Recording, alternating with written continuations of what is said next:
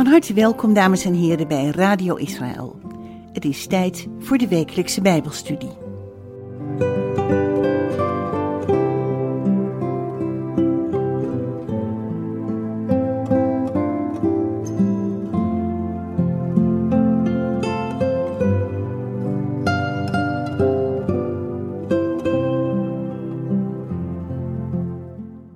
Shalom luisteraars. Messiaans Judaïsme. Dat is een wereldwijde beweging van gelovigen die terugkeren naar de Joodse wortels van het christendom. Is deze beweging geleid door Gods geest of is het een beweging die gelovigen onder de wet brengt, zoals eeuwenlang gezegd werd? Sommige gelovigen uit de volkeren gedragen zich ineens Joods, lopen met tzitzit en een keppeltje. Een enkeling is er zelfs van overtuigd dat hij zich moet laten besnijden. Gelovigen uit de volkeren zijn ineens actief met de Torah, de eerste vijf boeken van het Oude Testament, gebruiken Hebreeuwse termen, zingen Hebreeuwse liederen en hebben Israël lief. Sommige samenkomsten lijken op een dienst zoals die in de synagoge plaatsvindt. Door de grote verschillen in beleving en door de verschillende meningen en of visies ontstaat er bij een grote groep gelovigen verwarring. Een belangrijke vraag die gesteld wordt is de vraag hoe het nu zit met de identiteit van de niet-Jood. Moet een gelovige uit de volkeren nu wel of niet de Joodse gebruiken overnemen? Is hij bijvoorbeeld verplicht met een keppeltje rond te lopen, de Sabbat te houden en de Bijbelse feesten te vieren? We zijn nu toch niet meer onder de wet, zoals altijd beweerd werd? En hoe zit het dan met de Torah? Dit zijn vragen die momenteel zeer actueel zijn. In deze nieuwe studiereeks ga ik in op deze actuele zaken en laat u zien hoe dat gestalte kreeg onder de eerste gelovigen uit de volkeren. Deze groep stond bekend als de Godvrezenden. Deze studiereeks heet dan ook de Godvrezenden. Voor deze studie is gebruik gemaakt naast de Bijbel, het woord van God, van het boek Godfearers, Gentiles en the God of Israel. Godvrezenden, heidenen, en de God van Israël, geschreven door Toby Janicki en aangevuld met onderwerpen uit de praktijk. Misschien, luisteraars, is het goed als u pen en papier gereed heeft en onder andere de Bijbelteksten opschrijft en later nog eens terugleest. Welkom. En mijn naam is Jack van der Tang.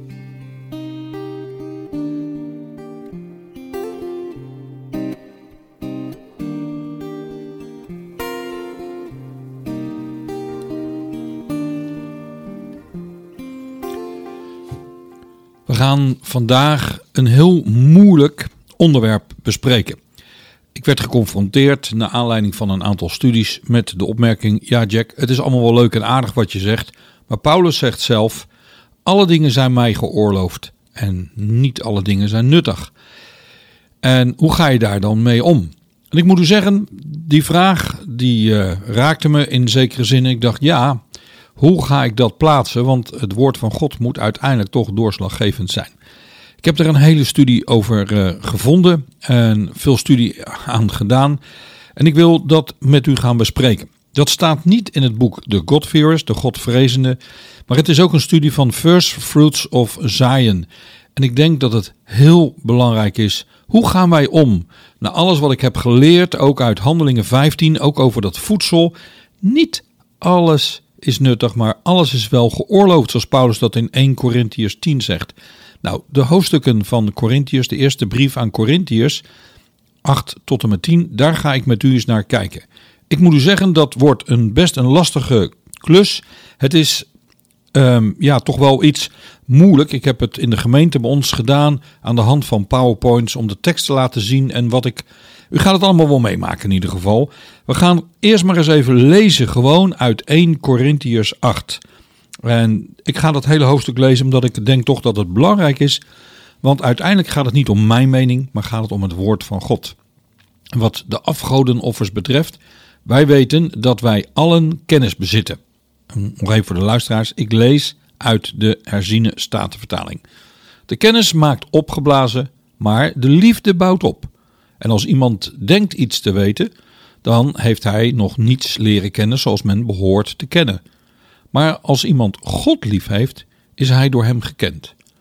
Wat dus het eten van afgodenoffers betreft, en dat is natuurlijk de vraag. Hè, van, ja, je mag dus niets eten wat aan een afgod geofferd is. Ik heb daar uitgebreid ook over halal voedsel ook over gesproken.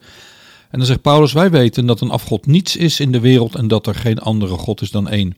Want al zijn er ook die goden genoemd worden, het zij in de hemel, het zij op de aarde, zoals er vele goden, vele heren zijn, toch is er voor ons maar één God, de Vader, uit wie alle dingen zijn en wij voor hem.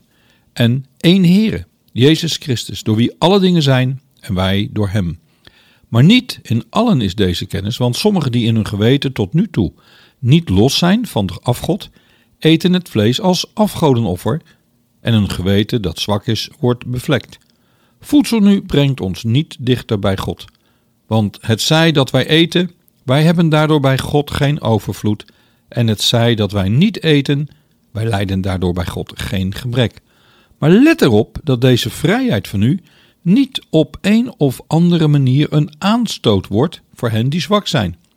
Want als iemand u die deze kennis bezit in een afgodstempel aan tafel ziet aanliggen, zal dan zijn geweten omdat het zwak is en niet toe aangezet worden om afgodenoffers te eten? En zal zo de broeder die zwak is door uw kennis verloren gaan? Een broeder voor wie Christus gestorven is? Door zo te zondigen tegen de broeders en hen in hun geweten dat zwak is te treffen, zondigt u tegen Christus. Messias staat rijk, de gezalfde.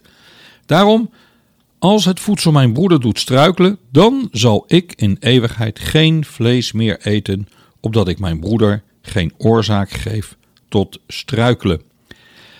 Dit gedeelte, luisteraars, als je daar, uh, als je dat leest en denkt te weten wat er staat, dan kan de gedachte wel eens heel sterk opkomen: oh, wat Paulus hier zegt, dat geeft toch een soort controverse in de leer van hemzelf. Het lijkt een beetje in te gaan tegen Handelingen 15.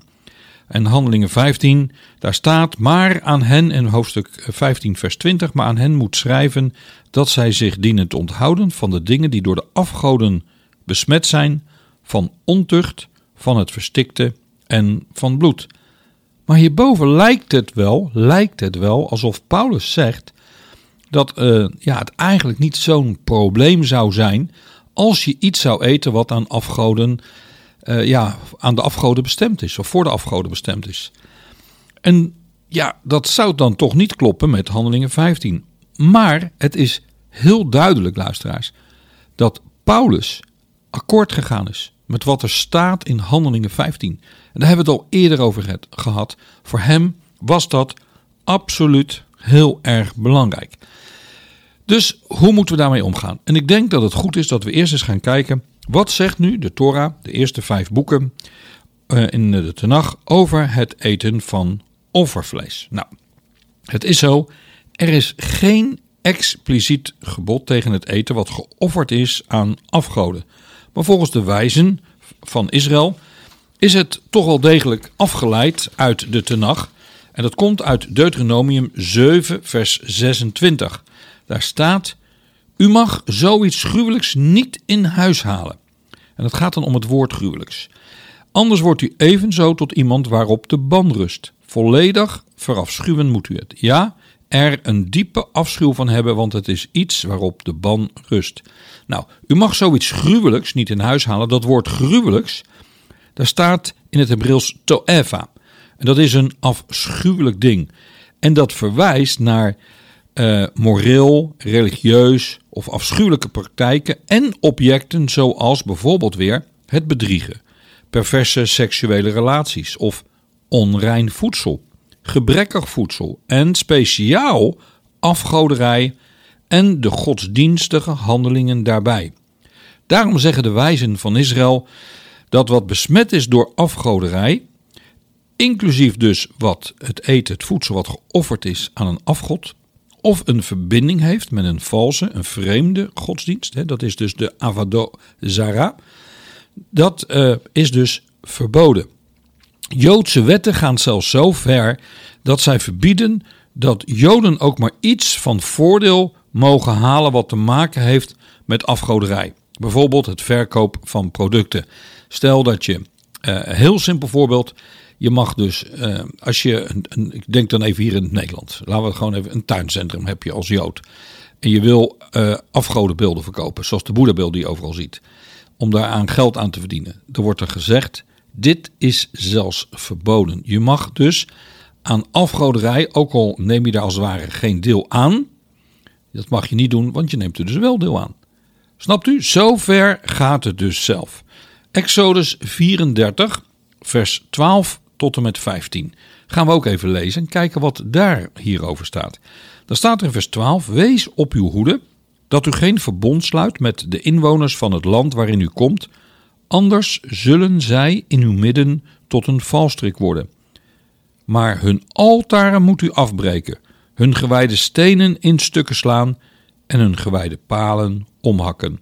Want u mag zich niet neerbuigen voor een andere God.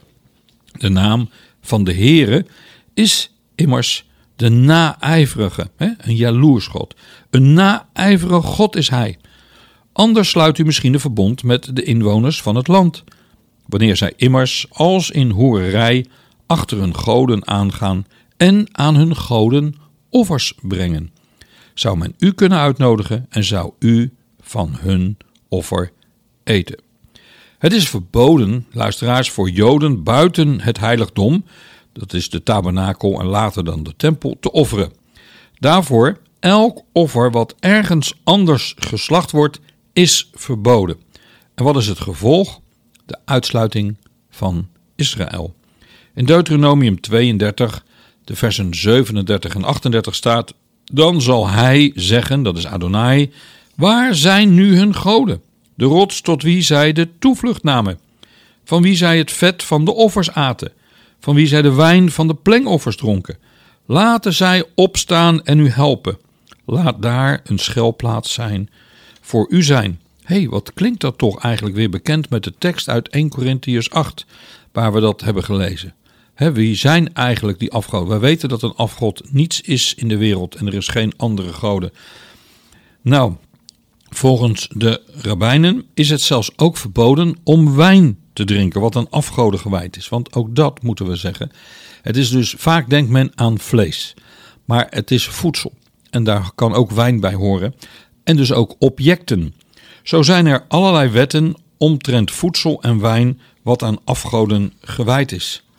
Nou, we gaan kijken naar een gedeelte uit de Maccabeeën. En de vierde brief van de Maccabeeën, hoofdstuk 5, 2 tot 4, daar staat het volgende. De tiran Antiochus, zittend met zijn raadgevers op een bepaalde hoogte, met zijn gewapende soldaten naast hem, bevolen de bewakers om elke Hebreel te grijpen en te dwingen om het varkensvlees te eten en voedsel geofferd aan afgoden. Als ze niet bereid waren om verontreinigd voedsel te eten, werden ze op het wiel gebonden om gebroken en gedood te worden. U ziet dat dat hele voedsel en dat eten wat aan afgoden gewijd is, een ongelooflijk belangrijk punt was voor het Joodse volk. En dat de heidenen, zoals hier Antiochus, de tiran, zoals het er staat, eh, dat heel goed wist en ze eigenlijk dwong om, om dat voedsel te eten. Nou, de wijzen van Israël hebben dit ook uitgebreid uh, door, voor de heidenen onder de Noachitische wetten. Volgens uh, hen was de gedachte het in contact komen, het aanraken met afgoderij, gelijkwaardig aan het aanbidden zelfs van afgoden. Kun je dat voorstellen, dat ze zo ver gaan? Maar dat werd wel zo geleerd. Dus tijdens de tijd van het begin van de gelovigen, hè, toen Yeshua op aarde rondliep, was dit gebod iets wat zeer zorgvuldig werd genomen. En dat is goed en belangrijk om te weten als je Handelingen 15 gaat lezen. En je ziet wat er staat over dat je niet het voedsel mag eh, eten wat aan afgoden is geofferd. Geofferd aan afgoden betekent ook gelijk dat het dus niet ritueel geslacht is. En dan moet je dan denken aan natuurlijk vlees. Maar is het dan wel Is het wel ritueel geslacht, dan weet je dus ook dat het niet aan afgoden geofferd is. In Handelingen 16, vers 4 staat het volgende.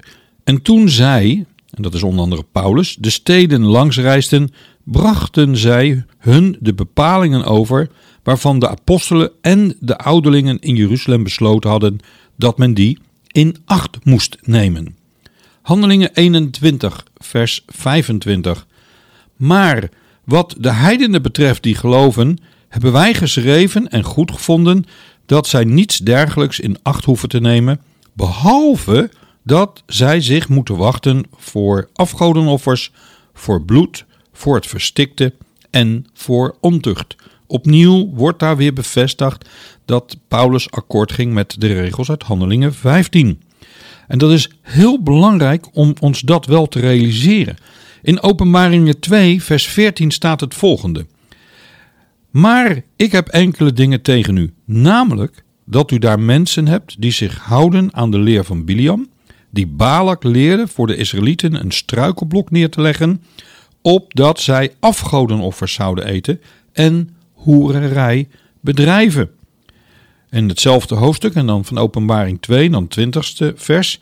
Maar ik heb enkele dingen tegen u. Dat u, de vrouw Izebal, die van zichzelf zegt dat zij een profetes is, ongemoeid haar gang laat gaan om te onderwijzen en mijn dienstknechten te misleiden, zodat zij hoererij bedrijven en afgodenoffers eten. Beste luisteraars, als we dit alles in acht nemen, zien wij heel duidelijk hoe belangrijk het is voor het woord, in het woord van God en voor God dus, dat men niet afgodenoffers eet. Dat geldt voor u en dat geldt voor mij. En Paulus is daar volledig mee eens. Hij heeft dat geleerd, dat wordt bevestigd in alles. En het is zo belangrijk om ons dat te realiseren als wij dus dat hoofdstuk uit 1 Korinthe 8, 9 en 10 gaan lezen. Dat moeten wij echt beseffen. Dat moet ons basisuitgangspunt zijn. Wat leerde de vroege kerk dan? Dat is ook belangrijk. We hebben al heel regelmatig halen we de Didatje aan. Nou, de Didatje is dus heel oud, wordt gedateerd rond de eerste eeuw. En wanneer in ongeveer 400 na Christus de lijst met kanonieke en apocryfe boeken wordt vastgesteld, zit daar dat boek, de Didatje, niet bij. Hij is in de vergetelheid geraakt, verdwijnt zelfs volledig uit de geschiedenis. En pas in 1873 wordt er in Constantinopel, dat is Istanbul in Turkije, een oud geschrift gevonden dat dateert uit 1056, waarin de Didache opnieuw wordt aangetroffen. Tien jaar later, in 1883, wordt dit boek, de Didache, opnieuw uitgegeven, maar ze blijft eigenlijk toch wel een relatief onbekend geschrift. Maar vanwege zijn ouderdom en authenticiteit verdient dit waardevolle geschrift het om opnieuw onder de aandacht te worden gebracht, omdat het geschreven is, luisteraars, in de eerste eeuw. Het boek is geadresseerd aan de gelovigen uit de volkeren toen de kerk nog functioneerde als een secte binnen het judaïsme. En daarin staat te lezen het volgende. En wat voedsel, wat betreft voedsel, doe wat mogelijk is. Maar wat is geofferd aan afgoden, wees zeer op je hoede, want het is een dienst aan dode goden. Begin de tweede eeuw is er ook een boek en dat heet De Dialoog met Trifan.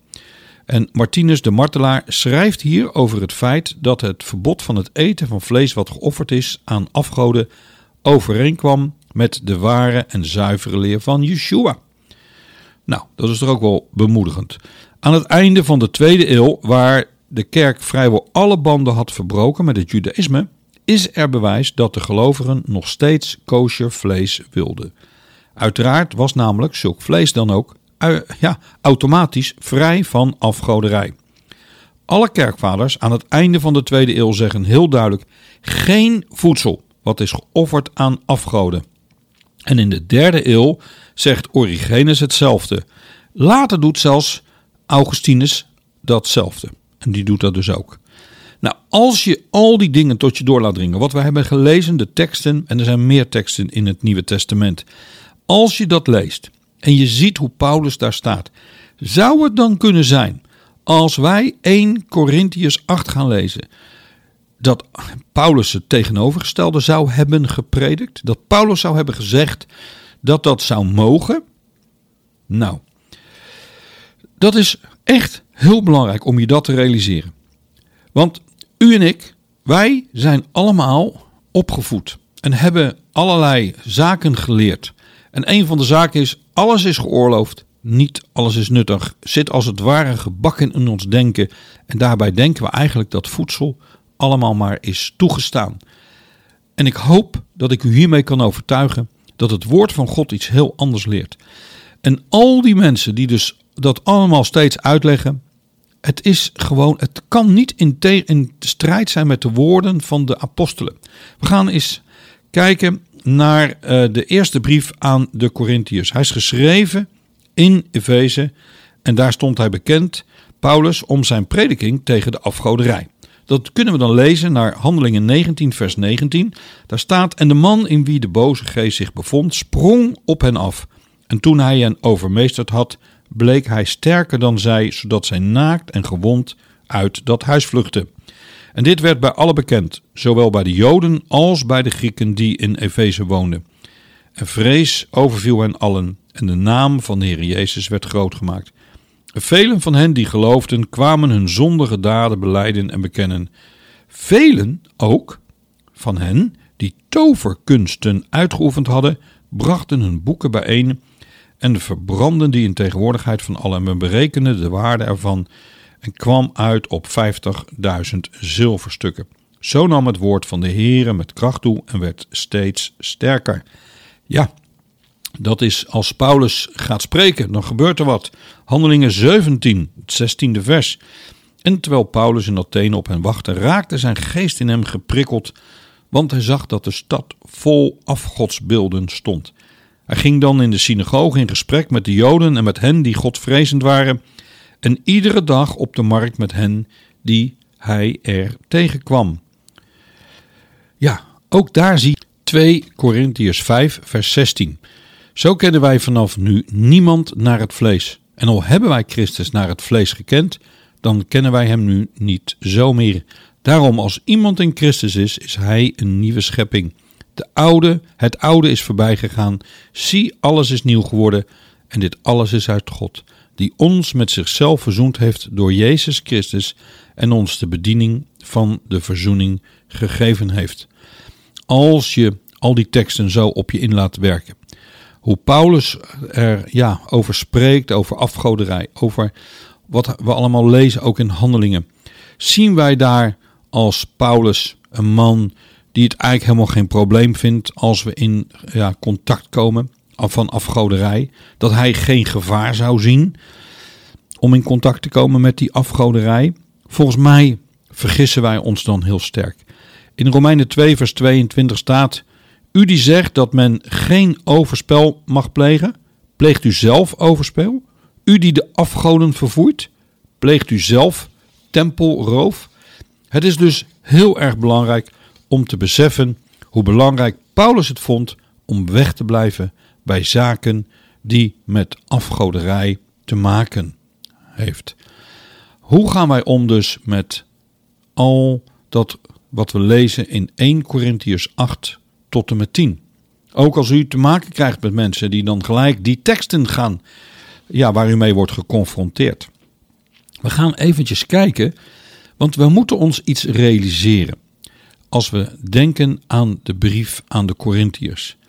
Als u gaat naar het eerste, uh, ja, als het ware de eerste brief van hoofdstuk en dan hoofdstuk 5, vers 9 dan staat er ineens iets heel aparts. Misschien lees je er overheen onbewust. Dan staat er: Ik heb u geschreven in de brief dat u zich niet moet inlaten met ontuchtplegers. Echter, niet in het algemeen met de ontuchtplegers van deze wereld of met de hebzuchtigen of met rovers of afgodendienaars, want dan zou u uit de wereld moeten gaan. Hé, hey, ik heb u echter geschreven in de brief dat. Oh, we hebben dus niet alle correspondentie van Paulus. En de eerste brief, zoals wij dat noemen in onze Bijbel, is niet de eerste brief. Er was dus al een brief ervoor. En daarin heeft Paulus dus de gemeente geconfronteerd dat er heel duidelijk, ik heb u geschreven, dat u zich niet moet inlaten met ontuchtplegers. En de brief die wij nu hier hebben voor ons in de Bijbel, 1 Corinthiërs, is een terugkoppeling op een eerdere brief en daarop weer een reactie die Paulus heeft ontvangen van de gemeente uit Corinthiërs. En dat is wel heel bijzonder en heel belangrijk om ons dat te realiseren. Er is een belangrijke Bijbelleraar uit Amerika, Alex Joyne, en hij zegt dat 1 Corinthiërs 8 tot en met 10 laat zien dat Paulus eigenlijk al eerder hierover heeft gesproken. Hij heeft al eerder met Corinthiërs gediscussieerd over het onderwerp de afgoderij. Gezien hoe belangrijk dit onderwerp is en de tijdsduur dat Paulus in Korinthe was geweest, is het historisch gezien onrealistisch om te denken dat er nu ineens voor het eerst wordt gesproken over het eten van voedsel wat aan afgoden geofferd is. En de hoofdstukken 8 tot en met 10, ja, die hebben ongetwijfeld te maken met een eerdere brief en de prediking van Paulus. En zonder twijfel heeft Paulus instructies gegeven in zijn prediking en in die brief die wij dus niet hebben, maar die er dus wel is, want dat lezen we heel duidelijk in het vijfde hoofdstuk. Dan gaan we bijvoorbeeld even kijken naar 1 Corinthians 8, het eerste vers. En wat de afgodenoffers betreft, en luisteraars, ik besef dat dit nu best lastig is om het per radio te doen. En eigenlijk zou u dat uh, mee moeten kunnen lezen op sheets. Maar ik weet niet hoe ik dat uh, kan doen via de radio natuurlijk. Maar Alex, Join, hoe heet het, de afgodenoffers betreft. We gaan even terug naar 1 Corinthians 8. En wat de afgoden betreft, wij weten dat wij allen kennis bezitten. De kennis maakt opgeblazen, maar de liefde bouwt op. En als iemand denkt iets te weten, dan heeft hij nog niets leren kennen zoals men behoort te kennen. Maar als iemand God lief heeft, is hij door hem gekend. En weet u, als wij deze drie versen lezen, dan is het eigenlijk heel jammer dat er in het Grieks geen markering is wat aangeeft dat er als het ware iets geciteerd wordt uit een eerdere brief. Als er staat wij hebben allen kennis, dan is dat ongetwijfeld een terugreactie op een eerdere brief. Sommigen waren het met Paulus dus gewoon niet eens. En de Bijbelgeleerde Choing, hij zegt eigenlijk, en dan zeggen we het even in onze eigen woorden, zeggen eigenlijk dat er staat wat de Corinthiërs hebben geschreven aan Paulus. Paulus, en het leuke is, luisteraars, wij zouden dat eigenlijk ook wel kunnen zeggen. Het zou uit ons hart ook zo kunnen klinken. Paulus, jij zegt dat afgoden of voedsel is uit de boze. Maar wat met het voedsel wat verkrijgbaar is op de markt? Sommige voedsel wat verkocht wordt is vooraf geofferd aan afgoden. Dus jij beweert dat wij eigenlijk niet meer op de markt mogen kopen. En wat dan als we bij onze ongelovige vrienden gaan eten? Je weet dat zij soms dan voedsel serveren wat geofferd is aan afgoden. Dus Paulus, sorry, maar je instructies zijn onpraktisch. Willen we die opvolgen, dan moeten wij naar een andere wereld. Nou, wat denkt u daarvan? Dat hadden wij toch ook kunnen zeggen? Zo'n opmerking. En is het niet zo dat wij dat nog steeds eigenlijk denken? Ik weet namelijk dat er mensen zijn die mij dat gewoon verteld hebben. Die zeggen: ja, maar zo geloof ik het ook. Zo geloof ik het ook. Dat Paulus gewoon een beetje fout is hierin. Of dat hij een beetje doorslaat of te radicaal is. Maar we leren geloof ik toch echt heel duidelijk als gelovigen dat het woord van God bepalend moet zijn. En niet onze mening en niet onze visie, maar wat God van ons vraagt. Als we dan nog eens gaan kijken naar die tekst, dan staat er: Wij allen bezitten kennis. Nou, wij kunnen ook zeggen als het ware: Wij hebben kennis. Wat is die kennis dan? Die kennis is: een afgod is niets. En er zijn goden en er is maar één God. De reactie van Paulus is daarop: kennis kan leiden tot arrogantie. Nou, ik denk dat we daar allemaal amen op kunnen zeggen. Het is dus te belangrijk om je te realiseren dat je de eerste zes versen niet hier kunt lezen in 1 Corinthians 8, dat alles als het ware maar geoorloofd mag zijn of kan zijn. We gaan dat nog eens even lezen. En wat de afgodenoffers betreft, wij weten dat wij allen kennis bezitten. De kennis maakt opgeblazen, maar de liefde bouwt op. En als iemand denkt iets te weten, dan heeft hij nog niets leren kennen zoals men het behoort te kennen. Maar als iemand God lief heeft, is hij door hem gekend. En dan gaat Paulus, dan zegt hij. Dus wat het eten van afgodes betreft, en dan zegt hij als het ware beaamt hij, wij weten dat een afgod niets is in de wereld en dat er geen andere God is dan één. Want al zijn er ook die goden genoemd wordt, het zij in de hemel, het zij op de aarde, zoals er vele goden en vele heren zijn, toch is er voor ons maar één God, de Vader uit wie alle dingen zijn, en wij voor hem en één Heere, Jezus Christus, door wie alle dingen zijn, en wij door hem. De opmerking die er staat, er is geen andere God dan één. Ja, wat maken we ons dan druk? Waarom is dan alles verboden? Maar zie en realiseer je wat wij eerder in deze uitzending hebben besproken, hoe Paulus erin stond, hoe in het Judaïsme dit geleerd werd en hoe de eerste gelovigen die zich aansloten, als het ware bij die secte onder leiding van Yeshua de Messias, dat het absoluut niet anders werd geleerd.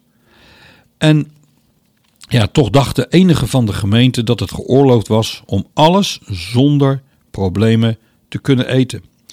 Paulus gaat dus op deze filosofische argumentatie dan in door te zeggen: Oké, er zit wel wat in, maar dan reageert hij er wel op en dan stelt hij als het ware de vraag: Wel of geen voedsel brengt ons niet dichter bij God.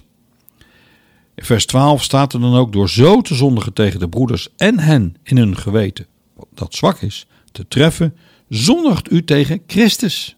Nou, dat is nogal wat. Paulus stelt dus eigenlijk eh, tegenaan, ten, ten aanzien van de Corinthiërs: beseffen jullie wel dat jullie zogenaamde vrijheid grote gevolgen heeft voor je broeder die dat niet ziet? David Stern zet het woord vrijheid trouwens tussen haken.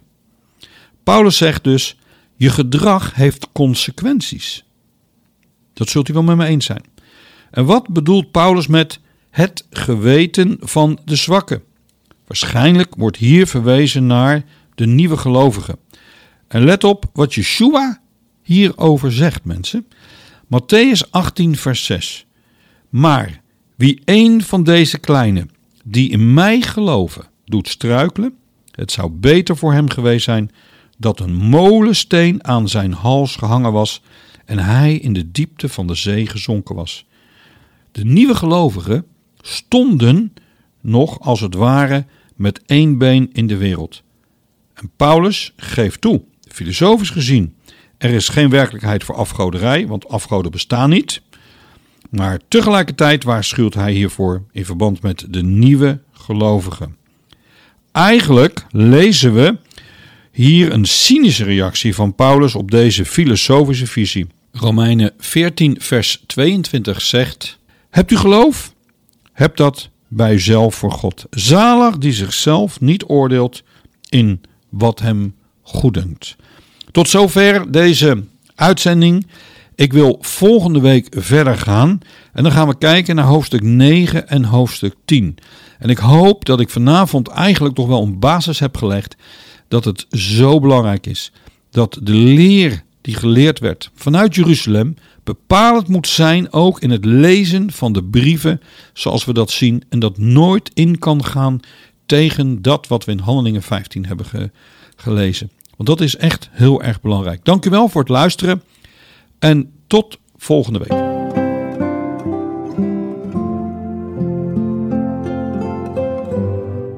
U hebt geluisterd naar de wekelijkse Bijbelstudie op Radio Israël.